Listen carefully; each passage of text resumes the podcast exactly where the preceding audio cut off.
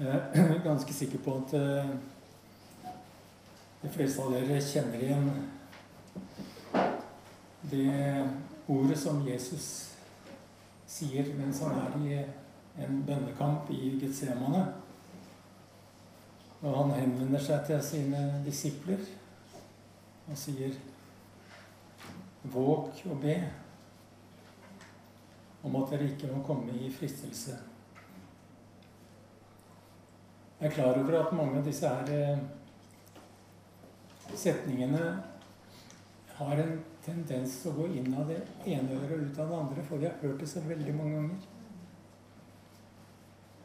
Men eh, derfor kan det være litt eh, bra å lese det på et annet språk. Og dere vet at vi har en bibeloversettelse på engelsk som heter 'The Message', som er oversatt av en norsk etta pastor eh, eller teolog som heter Eugen Petterson.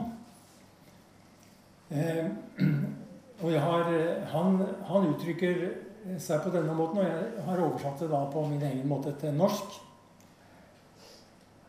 Eh, og i, i, i The Message altså står det på et noe røffere språk da han, altså Jesus, kom tilbake til sine disipler, fant han dem i dyp søvn.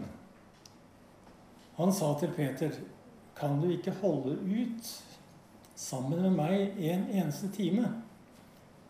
'Hold deg våken og vær i bønn, så ikke du forviller deg inn i en fristelse uten å forstå at du er i fare.' Det er en del av deg som er ivrig, klar for hva som helst med Gud. Men det er en annen side ved deg som er lat som en gammel bikkje som sover foran ovnen. Den satt. Det er en annen side ved deg som er lat som en gammel bikkje som sover foran ovnen. Kanskje trenger vi å høre det på den måten for å våkne. Kanskje trenger vi å høre et gammelt budskap med nye ord. Men hva er det som er den fristelsen som Jesus snakker om? Jo, fristelsen er å sovne. Og når vi sovner, så mister vi kontakten med omverdenen. Og hvilken formaning er det Jesus gir oss? Jo, Jesus sier at vi må begynne å be. Og det neste spørsmålet er hva er det som står på spill her? Og svaret er at eh, det er intet mindre som står på spill enn vår tjeneste for Jesus. Vår samhandling med Han. Og vår synkronisering med Han. Våk og be, sier Jesus. Og han sier det på denne måten, i hvert fall i den norske oversettelsen. Ånden er villig, men kroppen er svak. Og vi ser at det var bønn Jesus kalte disiplene til den gangen i Getsemane. I denne spesielle situasjonen. Og det er bønn han kaller oss til, også i dag. I denne spesielle situasjonen. For bønn er det verktøyet som kan gjøre oss delaktige i Jesus og hans gjerning. Bønn er å være våken innenfor Gud. Bønn er å være vendt mot Gud.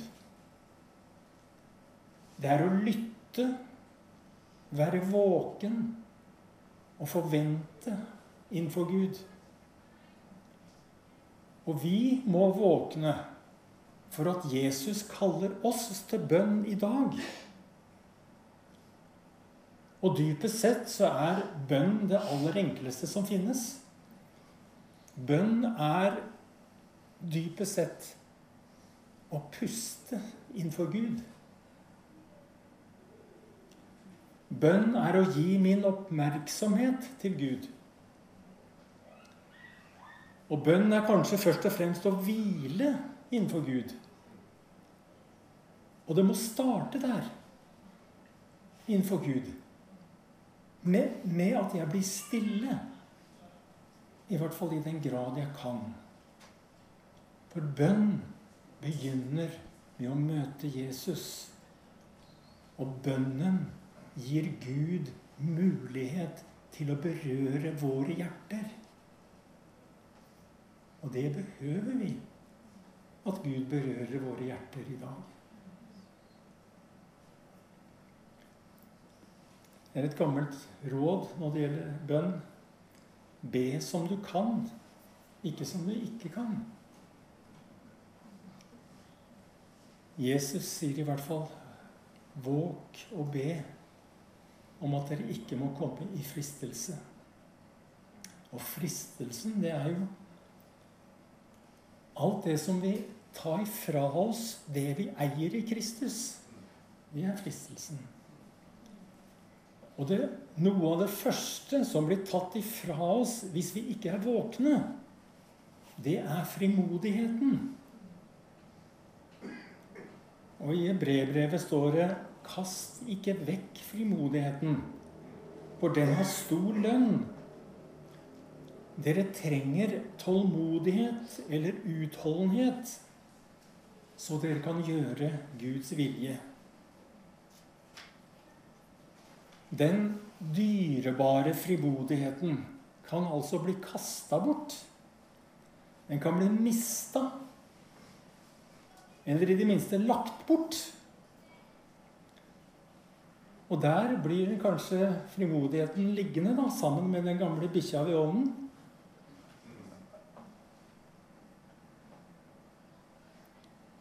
Men alvoret er at hvis vi mister frimodigheten, så mister vi frimodighetens lønn. Og mister vi utholdenheten, så mister vi evnen til å tjene Gud og gjøre Hans vilje. Mister vi frimodigheten, så visner troen. Gleden blir borte, og bønnen blir lamma. Men så er det det at hvis vi da har forlagt denne frimodigheten, så kan vi finne den igjen. For den er ikke død, selv om det ser sånn ut. Den bare sover ved ovnen. Da apostelen Johannes var forvist til øya Patmos, så var han leder for et knippe kristne menigheter på fastlandet. Og disse kristne menighetene som han skriver til, de var utrolig marginaliserte og mistenkeliggjorte i det samfunnet de var i. De menighetene som Johannes henvender seg til, de var små, de var fattige, og de var uten politisk innflytelse. Og på toppen av det hele å følge Jesus gjorde dem til kriminelle. Og i deres situasjon, i denne situasjonen, så var de helt avhengige av å være fokuserte, være vendt mot Gud og være fylt av Den hellige ånd.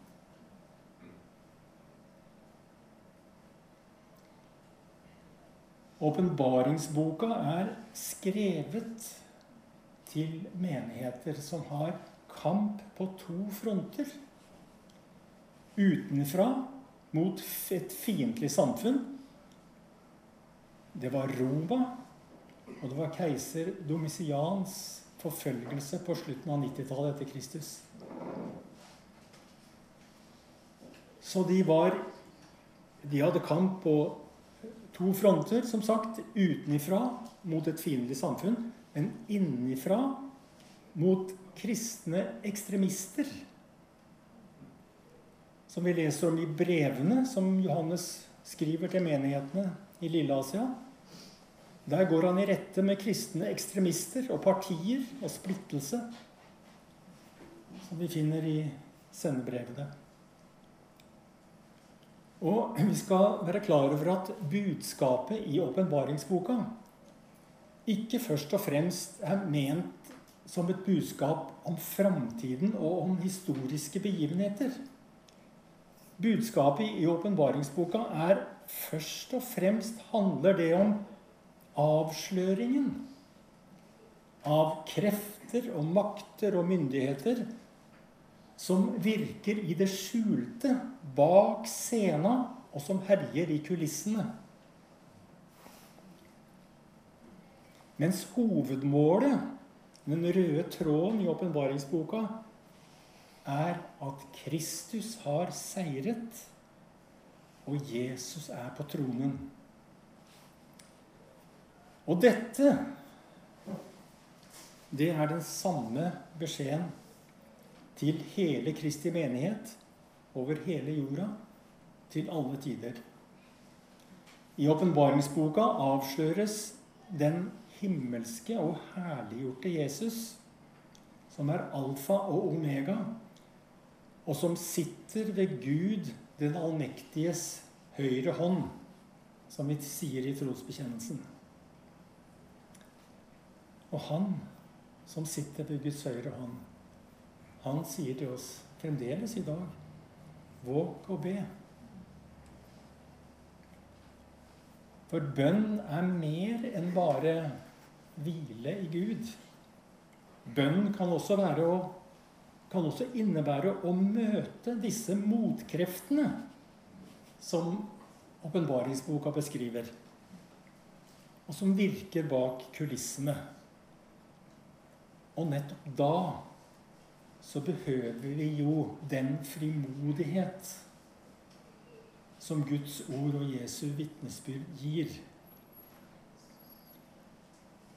Og Bibelen sier lyset skinner i mørket, og mørket kan aldri overvinne det. Et annet sted så sier Jesus i verden har dere trengsel. Men vær frimodige. Jeg har seiret over verden. Så vi må si det igjen. Kast ikke vekk frimodigheten.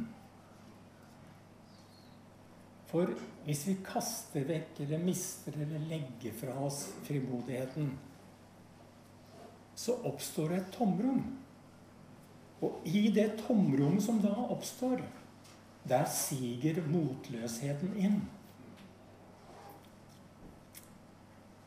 Og det skjer mer. For motløsheten skaper mismot og pessimisme.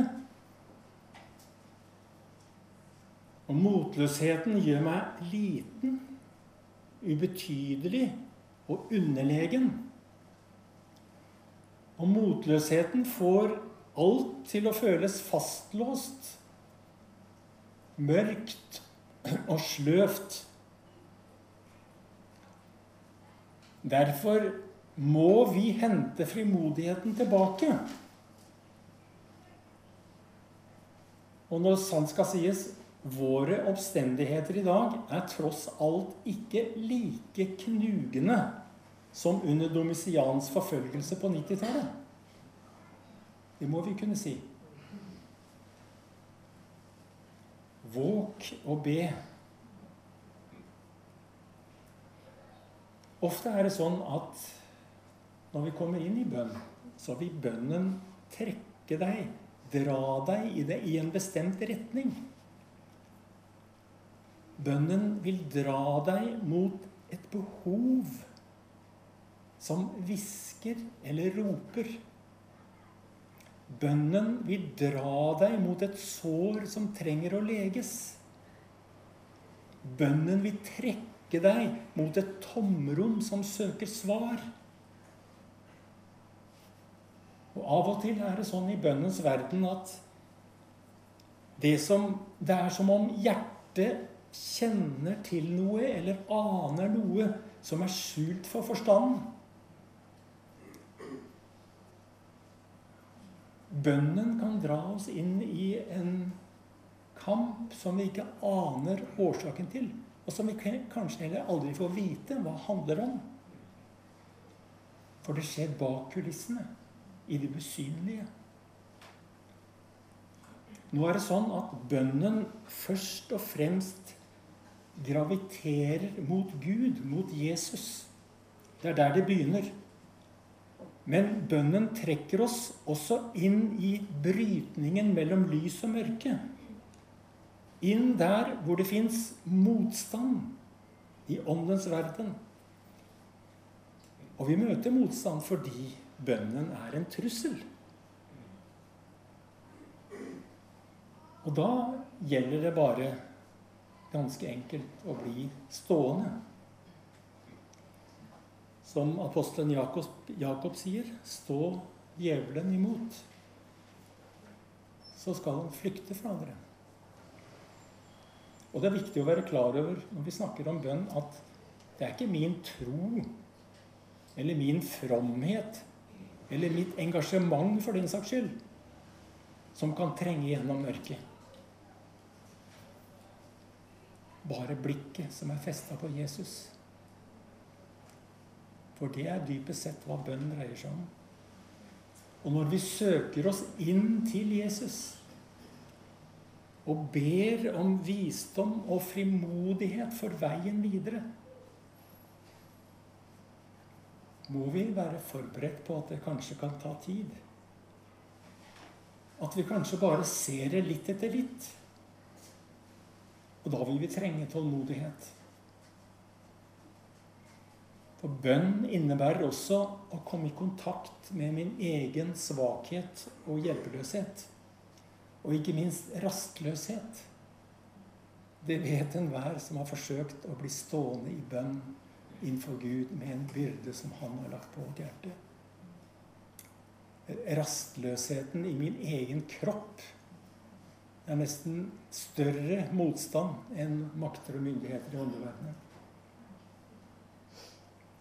Jesus sier ånden er villig, men kroppen er svak. Men vi ber vi ber fordi vi erkjenner at vi ikke har løsningen på menneskenes problemer. Det er bare Gud, bare Han, som kan forvandle, forandre menneskers hjerte. Men jeg vil minne deg om dette, sier apostelen Paulus. La Guds nådegave i deg flamme opp på nytt. For Gud ga oss ikke en ånd som gjør motløs. Vi fikk den ånd som gir kraft, kjærlighet og visdom. Jeg har akkurat lest en bok om bønn som jeg godt kan anbefale. Det var Åse som anbefalte den til meg. Den heter 'En brann i hjertet'. Den er skrevet av en tysker som heter Johannes Hartl. Eh, det er en bok som ikke ikke forsøker å lære oss å be, men som inspirerer til bønn. Så at vi sjøl kan gripe bønnen på den måten som er naturlig for oss. Så det er ikke punkt 1, punkt 2, punkt 3 for å be, men den inspirerer til bønn. I den boka så sier eh, forfatteren omtrent så her, og jeg skal avslutte med det Om vekkelsen ikke kommer, og ingen stikker innom på besøk, og ingen ser eller hører hva vi gjør, da tror jeg allikevel fortsatt at det ikke er å kaste bort livet, å være vendt mot ham.